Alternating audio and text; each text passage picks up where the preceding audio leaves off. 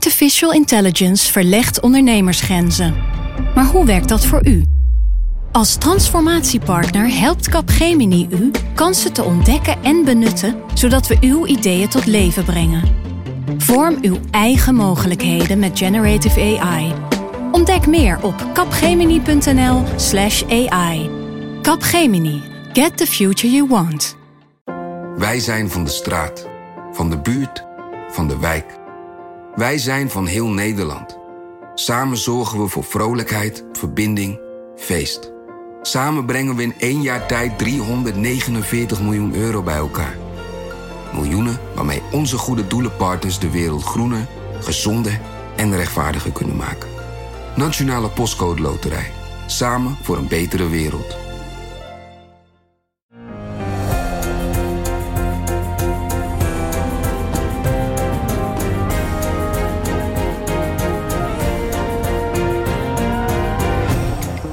Dit is Haagse Zaken van NRC. Mijn naam is Floor Boon. Het is vandaag donderdag 11 maart, nog vier dagen voordat de stembureaus opengaan en zes dagen tot de grote verkiezingsdag. En zoals jullie inmiddels weten zijn we tijdens deze campagne elke dag even bij je vanaf de grote ovale vergadertafel op de Haagse redactie. En op dit moment doen we dat met Petra de Koning, Stefan Alonso zit tegenover mij Hoi. en Rick Rutte. Hey Floor. Hallo. Hey Stefan, eh, is er nog iets wat jou is opgevallen in de campagne, zeg maar afgelopen 24 uur? Ja, ik eh, ben natuurlijk eh, door mijn portefeuille ja, buitensporig veel geïnteresseerd in Europa en eh, buitenlandse zaken. En daar ging het gisteren opeens over op tv. En daardoor dacht ik van wauw, eindelijk het woord Europa. En het, nou, dat was dus bij Jinek. eh, Rutte zat tegenover eh, Kaag, Sigrid Kaag. En eh, opeens hadden ze het over Europa. Dus dat was even heel spannend. Eh, eh, nou ja, goed. En dat vond ik heel leuk om te zien. Een interessante discussie. Ja, want jouw portefeuille is onder andere Europa en buitenlandse zaken. Ja, ja. ja. Rick, Yes. is jou nog iets opgevallen? Eh, ja, het interview met eh, Hoekstra in Nieuwsuur, dat valt nog binnen de afgelopen 24 uur, denk ik. Hè? Eh, ja, Ja. ja. Zeker. Eh, dat vond ik behoorlijk verpletterend. En omdat je nu ook Verpletterend ziet... dat- goed. Ja, nou, hmm, toch niet helemaal. Van de interviewer van Hoekstra. Eh, een uitstekend interview eh, voor de interviewers. En pluim voor Nieuwsuur. Iets minder een pluim voor Hoekstra. En ik denk dat wat, eh, wat ik intrigerend vond, is dat... we hebben in het begin nog gezegd van af en toe maakt Hoekstra een uitgeleider met zijn schaatsen in Tialf. En hè, zijn, zijn eh, Facebook post over de Volkswagen Kever. Oké, dat zijn dingen die fout kunnen gaan. We zien nu ook steeds vaker dat hij gewoon op inhoud tekort is geschoten. Dat hij de eigen doorrekeningen niet goed blijkt te kennen of niet goed uit blijkt te kunnen leggen. Nou ja, we hadden het er gisteren al over, hè, hoe dit dus eigenlijk langzaam voor onze ogen niet zo goed gaat met Hoekstra. Wij hadden er een artikel over, het AD schreef erover, de Telegraaf schreef erover. column in de Volkskrant. De Het column. echt dodelijk. Hier. Mm. Zeker. En dat met nog maar vier dagen te gaan. Hey, en Petra, jij hebt iets, nou, toch wel iets bijzonders gedaan vandaag, zou je kunnen zeggen. Ja, en ook weer gewoon. Ik was op werkbezoek eh, met eh, minister Tamara van Ark voor medische zorg. Eh, ze was in, eh, op de, Van de VVD. van de VVD. Ze staat nummer twee op de kandidatenlijst van de VVD. En ze was eh, eh, in het eh, Maxima Medisch Centrum in Veldhoven op een eh, intensive care afdeling.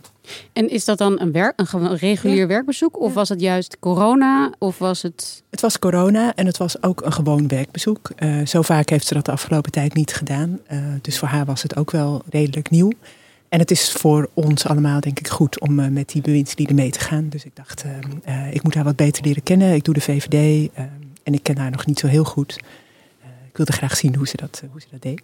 Ja, want dat is, nou ja, zou je toch kunnen zeggen, een beetje jouw methode geworden. Hè? Ook het observeren van mensen. Niet alleen maar luisteren wat ze zeggen, maar ook heel erg kijken naar wat ze doen.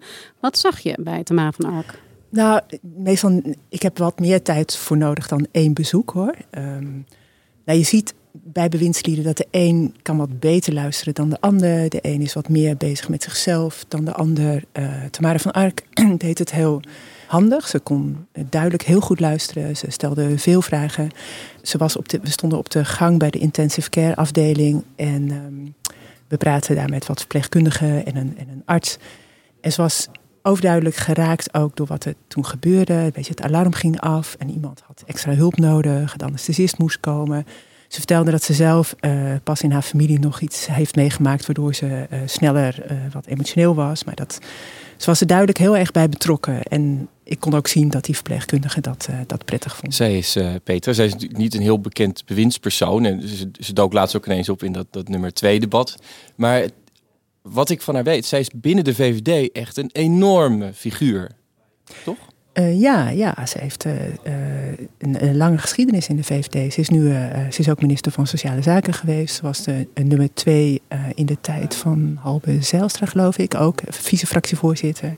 Dus ze hield daar de fractiediscipline heel goed in de gaten. Um, dus ze speelt, ze heeft nooit echt een vooraanstaande rol nog heel erg gespeeld. Niet op de voorgrond, maar dat kan best eens gaan komen. Het zou me niet helemaal verbazen als zij de volgende fractievoorzitter zou worden. Ja, want zij is de nummer twee, en, maar ze is eigenlijk helemaal niet zo zichtbaar. Nee, nee maar ik kan me voorstellen dat dat nu gaat veranderen. We gaan het zien. Zodra de verkiezingen voorbij zijn, uh, um, kiest de fractie een nieuwe voorzitter. Dus ik ben benieuwd. Misschien was dit haar laatste werkbezoek wel. Nou ja, dan meteen, want wie er dus wel heel zichtbaar is in de VVD-campagne, eigenlijk misschien wel de enige, dat is Mark Rutte. Uh, want dat is iemand die jij ook al jarenlang volgt. Je hebt een boek over hem geschreven. Als je even die blik houdt en wat je ziet, hoe, hoe gaat het met de campagne van de VVD? Nou ja, kijk, als je naar het CDA kijkt, dan gaan alle campagnes redelijk. Want bij het CDA gaat het zo beroerd. Maar bij de VVD is het ook nog niet echt heel erg uit de verf gekomen hoor. Het draait helemaal om Rutte. Uh, echt alleen maar om hem. Uh, dat vindt hij zichtbaar ongemakkelijk. Als er naar gevraagd wordt, als het gaat over zijn foto's of zijn. Uh, weet je, dat, dan, dan ziet hij er duidelijk niet zo op zijn gemak uit. Hij ziet er ook best een beetje vermoeid uit. Hij, ook gewoon, heeft een hoop werk natuurlijk, dat, dat weet iedereen. Maar de VVD weet dat het heel erg belangrijk is na tien jaar uh, premierschap. Dat je moet laten zien dat iemand niet uitgeblust raakt. Hè? Zoals uh, Jan-Peter Balkenende. Dat weten we allemaal nog. Na, na vier kabinetten was die man op. Uh, en dat, dat beeld willen ze ten koste van alles vermijden. Maar toch zetten ze dus zo in op Rutte, die ook toch wel echt gewend is geraakt de afgelopen tien jaar als premier meer zichtbaar te zijn om ja, persoonlijke vragen, wat voor vragen dan ook. Het verbaast me daarom eigenlijk zo dat hij daar nog steeds een zeker ongemak over heeft. Ja, hij heeft van die standaard antwoorden hè, op, uh, als het over zijn, uh, zijn persoonlijke dingen gaat en zo. Dus dat, dat, die, die kan hij altijd wel beantwoorden. Maar dat, dat het helemaal zo om hem draait en dat hij dan met allerlei. Dat, dat blijft hij ongemakkelijk vinden. Ja, dat is niet iets wat hij, uh, wat hij graag doet. Dat... zag jij niet dat hij overal precies hetzelfde grapje maakte over zijn kapsel? Ja, ja, ja, tuurlijk. Ja, maar dat doet Rutte inderdaad altijd. Hè? Gewoon altijd hetzelfde grapje. Dan moet je even vertellen wat voor grapje. Dat, dat was, jij, jij weet het veel beter, Peter. Nee, nee, jij ja, wat, ik, wat ik begreep was, hij was naar de kapper geweest. Volgens mij ook een afspraak die al maanden of een jaar stond. Ja, alle afspraken, als, ja, precies. Die, die, die staan van tevoren een jaar van tevoren vast. Um, ja. Maar hij had het niet helemaal kort laten knippen. Mm. Nee, hij wilde dat het verschil niet al te groot was met, uh, met daarvoor. Ja, daar zullen ze in het campagneteam ook wel over hebben nagedacht. Hè? maar, maar, dat, dat, ging, dat ging hij dus de hele benadrukken. Overal datzelfde grapje vertellen. Dat, ja. ik vond het heel, ik vond het typisch voor iemand die, die dan heeft geleerd dat hij iets van zichzelf moet laten zien, maar daar toch ook nog niet helemaal gemakkelijk mee is. Exact dat, ja. Maar ze waren bang dat, uh, dat, hij niet, uh, dat mensen hem niet zouden herkennen of zo. Na de kniebeurt, nou ja, goed. Ik, ja. Hey, en hij zegt dus ook de hele tijd hoe fris die wel niet is. Ik merk eerlijk gezegd, dat is weer een probleem, dat ik weer frisser ben dan de vorige drie keer. Okay. Ik vind het nog weer leuker. Ja, zo'n campagne en die verkiezingen. En ik zat nou, van de week ook ergens op de. Maar jij zegt eigenlijk, Petra, dit zegt hij wel, maar je vindt hem er helemaal niet zo fris uitzien. Nee, en bovendien, um, waarom zou je dat voortdurend moeten zeggen? Hij zegt het elke keer, dat hij nog alle ideeën heeft, dat hij nog heel veel energie heeft. En dat, weet je, dat maakt ieder mens wantrouwend, denk ik. Als je het zo vaak moet zeggen, dan is er kennelijk iets aan de hand. Nou, je hoort het ook een beetje in dit fragment. Hè? Zijn stem klinkt ook niet helemaal hmm. super fris. Een klein beetje, een beetje schor. Hij is, hij is natuurlijk bang dat wat aan hem gaat kleven is dat hij al tien jaar uh, meedraait, zeg maar. Dus dat. Ja. Bedoel, dus... Jawel, maar is het dan is het gewoon fysieke vermoeidheid? Want dat kan, ja, dat kan me heel goed voorstellen. Zeker na afgelopen jaar. Uh, het is gewoon een heel druk jaar geweest natuurlijk. Dus ben je fysiek moe of ben je ook, heb je geen enthousiasme en geen energie meer om dat verhaal te vertellen. Ja, hij, hij zegt heel nadrukkelijk, maar echt wel heel erg nadrukkelijk, dat hij dat allemaal nog wel heeft. Waardoor je, ja, we, we, we gaan het zien. Hè? Maar dat komt een, beetje, het komt een beetje geforceerd komt over. Ja, natuurlijk ja, over. Ja, ja, Het en, het zijn heel erg nog, nog twee verschillende dingen misschien toch. Of die, dat hij premier wil blijven, dat weten we. Dat, blijft, dat is altijd de, de, de eeuwige ambitie, zo lang mogelijk. Maar een campagne voeren en daar nog zin in hebben Dat lijkt me alweer iets heel anders. Ja, want opeens staat hij daar weer hè, bij een debat tussen alle andere lijsttrekkers. En wat mensen ook zeggen, die hem goed kennen hier in Den Haag, dat hij een, een echte tegenstander mist. Weet je? Er is niemand die, hem, die bij hem de enorme strijdlust naar boven haalt. Mm -hmm. Lodewijk Asscher deed dat wel eigenlijk, dat iemand uh, uit... In de uit, Kamerdebatten. Ja, die iemand uit de coalitie noemde, uh, dat noemde Lodewijk Asscher de angstgegner van uh, Rutte. Weet je, daar, was hij, daar was hij toch wel beducht voor. Die, die mm -hmm. kende al zijn trucjes, die kende hem zo goed. En die was ook een, uh, heel goed in het debat. Maar zo iemand, zo'n hele grote, belangrijke tegenstander is er niet. Maar weet je, nu is Kaag bijvoorbeeld, die, bedoel, D66 ja. staat hoger in de peilingen dan uh, de PvdA de hele tijd onder Asscher heeft gestaan. Wilders maar ook zij, nog eens. Zij, zij daagde hem ook niet echt uit gisteravond. En dat, dat vond ik toch wel opmerkelijk. Ja. Want juist over Europa had ze allemaal hele vervelende dingen kunnen zeggen. Hè? Over het feit dat uh, Angela Merkel op een gegeven moment met Macron in een bootje zat. En dat wij dat in Nederland niet gemerkt hadden. had, hè, ze, had, ze had kunnen zeggen van, van Rutte heeft mensen beledigd. Hè? Want Rutte had het van je moet hard op de inhoud zijn. En zij had kunnen zeggen van ja dat is waar. Maar je hoeft niet onbeschoft te zijn. Weet je wel. Er waren allemaal mogelijkheden voor haar om daar gewoon een goed verhaal tegenover te stellen. En dat deed ze niet. En Nee, dat, vond ik, dat vond ik eigenlijk heel verbazingwekkend. Van, dat was haar kans juist om te, hè, dat leiderschap waar ze het de hele tijd over heeft. Dat kon ze op dat moment laten zien van ik heb dat leiderschap. En jij, eh, hè, jij bent kinderachtig genoemd door Angela Merkel. Hè? Ik bedoel, dat is toch ander, ander niveau. Maar hij is dus eigenlijk heel erg alleen komen te staan. Niet zeg maar sowieso ook als op eenzame hoogte in die peilingen die we dan toch de hele tijd een beetje bekijken. Maar ook binnen zijn partij. Want ik zie al die andere mensen. We hadden net over de Maaf van Ark is eigenlijk niet zichtbaar. Maar ook uh, de nummers, uh, weet je wel. Uh, Bente Becker, Dylan Ezilgus. Ja, ze zijn er nauwelijks. De campagne draait om Rutte. En ja. uit, uit alle onderzoeken blijkt ook dat de VVD zo hoog staat in de peilingen door Rutte, niet door de VVD. De, de campagne draait ook om een vraag. Hè? Waarom stemt u op Mark Rutte? Dat is ook, vind ik ook zo fascinerend. Ik bedoel, het gaat niet om een idee of zo, maar het, het is gewoon echt inderdaad het merk Rutte wat gewoon in de markt wordt gezet voor de zoveelste keer op een frisse manier dan. Ja, ja en, en, je moet ineens bijna uitleggen dat je niet op hem gaat stemmen. Want in die, ja. in die filmpjes zie je dus ook mensen die zeggen dat ze niet op hem gaan stemmen. Maar het wordt zo gepresenteerd als een soort voldongen feit ja, dat de norm is dat je op, op Mark Rutte gaat stemmen. Het is onontkoombaar. Iets, iets wat denk ik de afgelopen dagen daar nog is bijgekomen. Dat als jij nu een rechtse kiezer bent en je twijfelde... Ja, stel dat je nog twijfelde tussen Rutte en Hoekstra. Dan hebben de afgelopen dagen je nu niet echt overtuigd om dan maar voor het CDA te gaan. Dus nee. We ja. zeiden al eerder, de VVD kan nog een tik hebben. Maar nu hebben ze eigenlijk nog meer de luxe. Dat ja, er kan bij... Ja, hè, je moet even afkloppen. Maar er kan bijna niks meer fout gaan daar, zou je zeggen. Ja, even, want uh, ik, op de achtergrond kan je als luisteraar trouwens iemand horen bellen. Dat zijn dan andere redacteuren die hiernaast staan. Maar uh, is er nog, is er, hoe, wat is dan de VVD nog als Rutte op een gegeven moment wel opstapt? Uh, ja, dat is een grote zorg natuurlijk voor de VVD. Um, voorlopig is dat niet uh, de bedoeling, dus hij moet uh, nog wel een paar jaar blijven. Ze hebben allerlei ehm, mensen in de fractie van wie ze denken dat die grote talenten kunnen worden, Bent, of, al zijn. Bente Becker, Sofie Hermans, Dylan Jasilgus. nou ja, Tamara van Ark is een meer ervaren iemand, die staat dan op twee. Dus ze hopen dat daar iemand uit opstaat. En Anders zijn er ook nog wel mensen die misschien willen terugkomen in het kabinet, in het volgende kabinet misschien. Uh, Janine Hennis wordt genoemd. Die heel toevallig ook een plekje kreeg in de, de Telegraaf de special ja. van de, de, VVD. Die de ze zelf nog misschien ook nog? Ja. ja. Maar het is inderdaad wel waar dat er natuurlijk in de schaduw van Rutte op dit moment niet veel groeit. Tenminste, niet, hè, je springen weinig mensen uit. En dit is natuurlijk het probleem uh, uh, van, van Rutte op verschillende niveaus. Want ik kan me bijvoorbeeld ook een, een rapport herinneren van Klingendaal over het Nederlandse buitenlandbeleid. Wat ook helemaal draait om Rutte. En de conclusie was van als die man op een dag weg is, dan hebben we geen buitenlandbeleid meer. Nou ja, hetzelfde geldt een beetje voor de VVD, zeg maar. Ja. Dus ik bedoel, het, ja. Klingendaal is instituut trouwens dat veel onderzoek doet uh, ja. over buitenlandbeleid. hey, dankjewel Petra hiervoor. Ik hoop dat je nog even blijft zitten. Uh, Rick, jij bent de man van de Haagse stemming. Yes. Nou, niet alleen hè. Met nee. Wouter van Loon en Wafa Ali. Elke ochtend in je inbox maken wij een, uh, een nieuwsbrief. Al heel lang. Early birds. Al voor de campagne. Ja, nou, nog steeds geen geboren ochtendmens, uh, Stefan. Maar we doen ons best. Zes uur opstaan, half zes. Zoiets. Oeh. Veel koffie. Ja. Uh, en, en dan deze, tikken. en deze dagen dus niet alleen maar in je nieuwsbrief, in je inbox, maar ook in de krant. Ja, we zijn nu ook in de krant. In een, uh, nou, zie het als een voorproefje. Hè? De, de nieuwsbrief is echt het idee dat wat we doen is we volgen wat er in de media gebeurt. Uh, wat er in de Kamer gebeurt. Wat er op uh, social media nog verder gebeurt. Aan welke, welke fitties tussen politie daar worden uitgevochten. En juist ook de dingen die je misschien niet zo snel ziet, maar die we hier bijvoorbeeld in de wandelgangen zien. Nou, en dat is dus stuk komen. heerlijk dat jij hier zit, want daarover wilde ik jou even wat vragen. Wat is nou, wat valt je nou op? Wat gespeeld er nu? Wat, wat hoor je in die wandelgangen? Wat zie jij dat je ons nog even vanuit de binnenkant kunt vertellen daarover? Nou, wat mij nu opvalt, kijk, dit is, eh, maar dat zeg ik ook een beetje omdat ik ook de PVV als partij volg, is dat we gaan nu vanavond beginnen met de, de drieslag van de drie debatten tussen Wilders en Rutte. Ehm, Drie.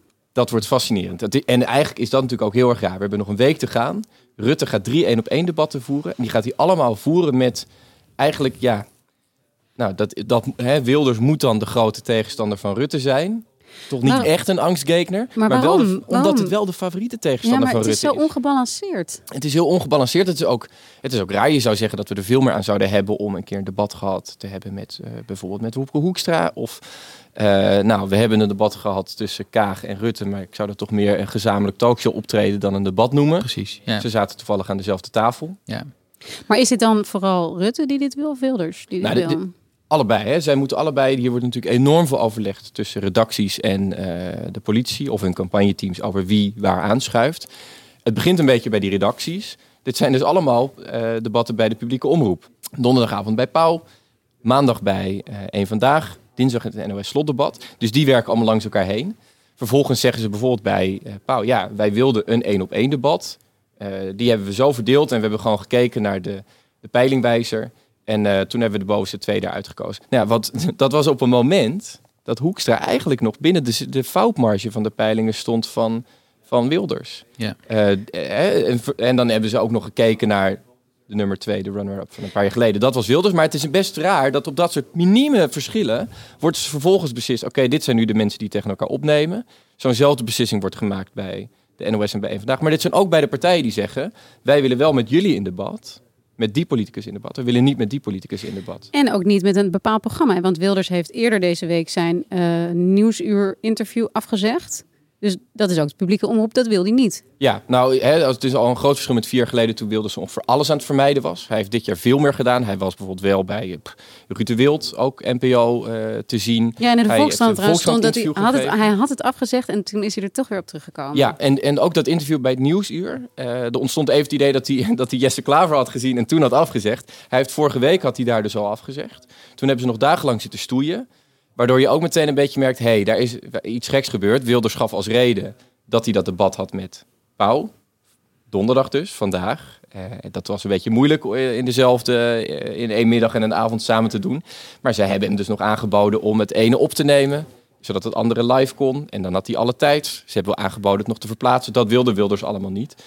Eh, dus je voelt wel, nou, hij heeft dan misschien niet Klaver gezien, maar hij heeft wel Baudet of... eh, Ik vraag me af of de Dion Graus affaire niet ook een rol heeft gespeeld. nou hè? ja, Want- het is natuurlijk voorspel. Kijk, dit is natuurlijk, hij weet, dit is een podium waarin die Precies. heel hard ondervraagd wordt. Nieuwsuur laat zien dat ze dat met uitstekende interviews doen, dat je er niet mee wegkomt. En, En, en Nieuwsuur, in debatten is Wilders wel thuis. Precies, maar Nieuwsuur liet ook heel duidelijk bij elke politicus de vuile was heel erg duidelijk zien. Hè? Dus Klaver die kreeg vragen over Kautar en... eh, Dat is een Kamerlid, een, een Kamerlid, Kamerlid. Ja, sorry. En, eh, eh, Een kandidaat Kamerlid. Kaag werd bevraagd over de MeToo-affaire binnen D66. En elke dag was er wel... eh, eh, Ja, en wat ze ook Ja, Wilders is doen, natuurlijk heel erg zeggen. bevreesd voor eh, Dion Graus, waar NRC recent een publicatie over had dat Precies. hij zijn ex zou hebben aangezet tot seksueel met, met zijn beveiligers, met zijn privébeveiligers. En dat is niet een kwestie waar hij graag vragen over wil Ja, beantwoorden. en wat Nieuwsuur ook nog zegt, is wij zoeken steeds naar een rode draad. Dus bij Kaag komen er allerlei dingen aan bod, maar het gaat dan bijvoorbeeld om moreel leiderschap. Nou ja, hè, je, je kan dan drie verschillende gasten bij Wilders in de studio zetten. Eh, maar je kan echt één bepaald punt helemaal erin rammen. En bedenk dan, Wilders denkt, wat heb ik daar nou eigenlijk bij te winnen? Hoeveel van mijn kiezers, potentiële kiezers, gaan door zo'n uitzending op mij stemmen? Hij heeft wel veel bij te verliezen als er een heel pijnlijk fragment opduikt. Waarbij hij voor de zoveelste keer in de hoek wordt gedrukt. eh, de, eh, 12, 13 keer dezelfde vraag krijgt en er maar geen antwoord op weet, noem maar op. En Wilders is een hele goede debater. Dat weet iedereen. Hij is een van de weinigen die het Rutte moeilijk kan maken. Tegelijkertijd, op het moment dat zij tegenover elkaar staan, kunnen ze zich allebei goed laten zien. Wilders als de grote uitdager, die daar op dat podium wordt gehesen. Rutte juist weer als de premierveege kandidaat. Precies wat hij vier jaar ik- geleden deed. Vier jaar geleden ontweek Rutte dus de hele debatten met het CDA om maar met Wilders in debat te kunnen. Hij ontweek vragen van journalisten die vroegen... wat vindt u van de opmars van Sibrand Buma? Die was toen op een gegeven moment opkomst. Hij wilde het alleen maar hebben over Wilders. Hij doet nu eigenlijk bijna hetzelfde. Ik, ik, ik, als ik daar iets mag, over mag zeggen nog, is dat, en het klinkt misschien een beetje als vloek in de kerk, maar Rutte, uh, Wilders, dat, het lijkt me gewoon eigenlijk heel saai. Want we zien ze al zo vaak tegenover elkaar staan in de Kamer. Hè? Ik bedoel, het is, het is een soort grijs gedraaide plaat inmiddels. Hè? Het, het duo Wilders-Rutte. En, dat ga, dat ga, en die grijs gedraaide plaat krijgen we dus de komende dagen nog drie keer. Ik bedoel, en eigenlijk hoor ik hierin ook een soort oproep van dat je eigenlijk misschien wel zegt tegen, de, tegen Rutte, de enige die dus tegenover hem staat, dat Rutte die vragen moet gaan stellen aan Wilders. Dat hij degene moet zijn die hem een beetje echt kritisch gaat aanpakken. Dat, dat zou je hopen. En het gaat veel over Wilders die dus afzegt. Terecht. Ik denk dat, dat, dat je bij Rutte ook wel en zijn team ook wel kunt zeggen... het is heel logisch dat ze dit doen. Maar het is echt een gemis dat ze niet ook een keer kiezen voor debatten met anderen. En dat ze, ook, dat ze eigenlijk steeds deze keus maken. Dus heel veel plekken niet het debat aangaan, geen vragen beantwoorden wel met Jort Kelder in een podcast gaan zitten waar je niet de kritische vragen krijgt. En je kunt je ook afvragen of het echt in het voordeel is van de VVD. Hè? Het is voor de VVD ook uh, strategisch gezien wel beter als het CDA niet al te klein uit deze verkiezingen komt. Precies, ja. Maar ja, ze kunnen nu natuurlijk niet meer terug. Dit is al nee, even gepland en uh, dit is wat het is. hey, dankjewel Rick hiervoor. We gaan jou lezen in de krant en uh, in de nieuwsbrief. Ja, en, en als je nog niet geabonneerd bent, dat kan. Hartstikke makkelijk. nrc.nl slash de Haagse stemming aan elkaar. Schrijf je in. Helemaal gratis. Heb je morgen in even reclame. uh, Stefan, jij bent voormalig correspondent in Brussel. Kent de EU op je duimpje. En je volgt Petra ook, hè? En Petra ook natuurlijk. We hebben hier allemaal Europa-experts aan tafel. En je volgt dus nu buitenlandse zaken en de EU ook hier in uh, Den Haag. Den Haag ja. Hey, het begon met iets op Twitter. Ja, uh, een paar weken geleden zag ik een foto voorbij komen hè, van een vergadering van Europese regeringsleiders. En er vielen eigenlijk een aantal dingen op aan die foto. Uh, ten eerste dat achter elke EU-leider hing een Europese vlag. Behalve bij één dus. En dat was Rutte. Die had geen Europese vlag achter zich staan. Want hij schaamt zich daar op de een of andere manier altijd een beetje voor. Wil niet al te pro-Europees. Uh, dus dat, dat was al het eerste opvallende. En als je dan zeg maar goed kijkt naar die foto. Dan zie je dat naast Rutte toch een klein plusje olifantje zit. Die, een die, olifantje. die een EU-vlaggetje omhoog houdt. Um, uh, dus ja, dat, dat is natuurlijk ook opvallend. En ja, het bleek dus een fotomontage te zijn. Uh, gemaakt door mensen die achter de hashtag EU-olifant zitten. En dat is een hashtag die, ja, die is gecreëerd uit een soort frustratie en ergernis over het ontbreken van Europa. In deze campagne. in deze campagne, precies. en er, er, circuleren ook andere foto's van het EU-olifantje doen de ronde. Hè, met een Poolse fles wodka bijvoorbeeld. En op die foto belooft het EU-olifantje elke keer dat de EU wordt genoemd uh, in een debat om een glaasje achterover te slaan. Nou, de teller staat op vijf, geloof ik. Dus het gaat niet echt heel hard. Maar dat, die hashtag heeft gewoon wel uh, uh, gewoon toch een beetje furoren gemaakt. Uh, en nou ja, dat, het, mensen die hem gebruiken, die vinden eigenlijk dat, dat dus wat ze bedoelen met EU als olifant in de Kamer, is het is het grote onderwerp waar het eigenlijk over zou moeten gaan. Het onderwerp wat iedereen ziet ook, maar waar niemand het over heeft. Hè? Dus nee. nou, dat is. Maar ik zie het ook. Ik zie het ook op Twitter. Wat, wie, wie, wie zit hierachter? Is dit één genius of is dit een soort georchestreerde actie uh, van Europa-minded mensen? Nou ja, daar, daar, ik bedoel, dat is wel interessant. Ik, ik wist het eigenlijk ook niet precies. En ik heb het af en toe een beetje gevraagd. En er kwamen een beetje tegenstrijdige antwoorden op. En nu, nu blijkt dus dat de geestelijk vader van de EU-olifant is Jan Schoonis. Een Nederlandse ondernemer die in Frankrijk woont. Nou, hoe weet ik dat? Uh, afgelopen dinsdag hadden we een zogenaamde clubhouse meeting met uh, NRC-collega's. Heel met, modern. Met een heleboel genodigden. Uh, op, het was ontzettend leuk. En dat ging over het ontbreken van Europa in de, in de verkiezingscampagne. En wie duikt daar opeens op? Ene Jan Schoonis. En hij presenteert zich van ja, hallo, ik ben Jan Schoonis, de initiator van de EU-olifant. Dus daar, daar hij, hij, werd je, hij, hij bood zich aan. Hij bood zich aan aan ons. dus nou, dat was hartstikke leuk. En dus ik heb, ik heb Schoonis vandaag nog even gebeld en hem uitgelegd van hè, wat heeft hem nou in, in bewogen. En nou, misschien moet ik er ook even bij vertellen dat hij dus ook de co-founder en co-president is van D66 France. Dus hij, hij is ook wel verbonden aan D66 op de een of andere manier. En heeft de Franse tak opgericht van die partij. Uh, hij heeft inmiddels een Twitter-account ook opgericht. Met EU-olifant. Uh, met EU-olifant. Maar wat, wat, wat Schoonis mij dus vertelde, uh, is dat hij dus zich ergerde aan het gebrek aan aandacht. En hij heeft toen zeg maar de beste Europa-experts die we hebben in Nederland, heeft hij aangeschreven. En dan heb ik het over mensen als uh, oud-VVD'er Arend-Jan Boekenstein, Joshua Lievestro, oud-medewerker van toenmalig Europees commissaris Frits Bolkestein. en ook de hoogleraren Mathieu Segers en Katrien de Vries. Die heeft hij allemaal aangeschreven. Zullen we een campagne beginnen met een leuke hashtag? Ah, dus het is toch wel uiteindelijk een beetje georchestreerd. Het is ontzettend georchestreerd. En ze zijn op een gegeven moment die hashtag begonnen. Ze zijn daar columns over gaan schrijven. En ze zijn een beetje gaan tamboureren van jongens, waar blijft Europa, waar blijft Europa? Maar heeft het effect? Ja, ik denk het wel. Want wat je zag is dat toen ze met die hashtag begonnen, toen, nou, toen zag je eigenlijk al vrij snel, vrij kort daarna, deed Kaag de toezegging eh, dat ze Europa zou agenderen tijdens het NOS-slotdebat aanstaande dinsdag. Dus dat belooft wat. Nou ja, je zag het gisteren dus al uh, hè, bij uh, Jinek even voorbij komen. Het heeft zelfs internationaal aandacht gekregen. Hè, want Politico, de, de, de, grote Europese nieuwssite, die, die, die, die besteden er gewoon opeens heel veel aandacht aan ook. Dus het, het, het, het ja, het, het, heeft echt wel effect. En heel kort, heel kort. Want kan je me even vertellen wat, waar, bedoel, het ontbreekt dus Europa. Wij zitten hier aan tafel en wij vinden het belangrijk. Maar waarom ontbreekt dat? Is er dan is er zo weinig te kiezen als het gaat over Europa? Nee, dat denk ik niet. Ik bedoel, er is wel, hè, je, je hebt gewoon veel verschillende smaken. Uh, en als ik dan ook nog even reclame mag maken, we hebben een geweldige NRC stemhulp gemaakt. En als je dan Europa aanvinkt, dan zie je gewoon per partij wat ze van Europa vinden. En dan zie je dat er grote verschillen zijn. En ruwweg komt het erop neer dat je ja, je hebt een groep partijen die uit Europa wil, zeg maar. Je hebt een groep Europa die meer Europa wil. Dat is GroenLinks, D66. En je hebt een groep die het eigenlijk een beetje wil houden zoals het nu is. Uh, zoals VVD, CDA, PvdA ook, interessant genoeg. Dus dat, dat zijn een beetje de drie groepen. Dus er valt echt wel wat te kiezen.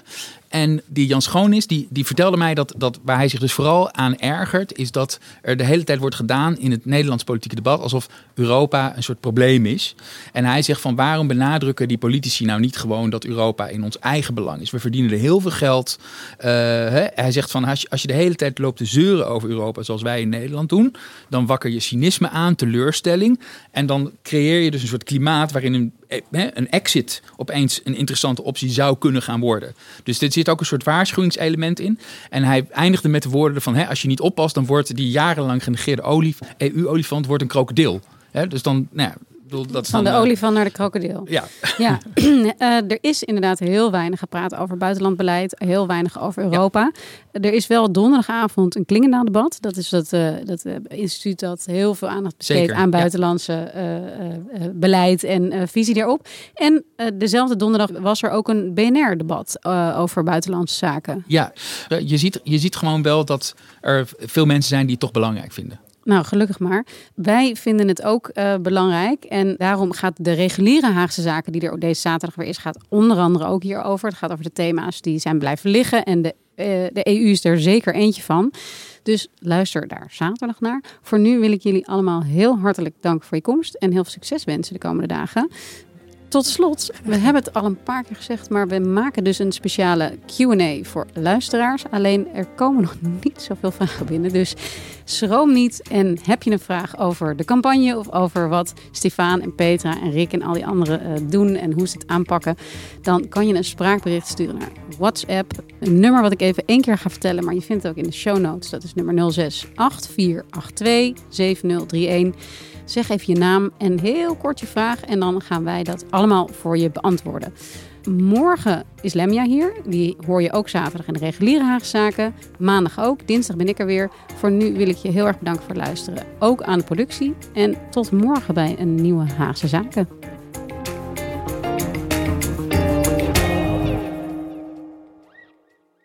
Je hebt aardig wat vermogen opgebouwd. En daar zit je dan. Met je ton op de bank. Wel een beetje saai, hè? Wil jij, als belegger, onderdeel zijn van het verleden of van de toekomst? Bridgefund is een slimme fintech die een brug slaat tussen de financiële behoeften van ondernemers en van beleggers. Dus wie belegt bij Bridgefund krijgt niet alleen een mooie vaste rente, maar brengt ook ondernemers in beweging. Echt waar, met die ton kan je zoveel betere dingen doen. Bridgefund. Make money smile.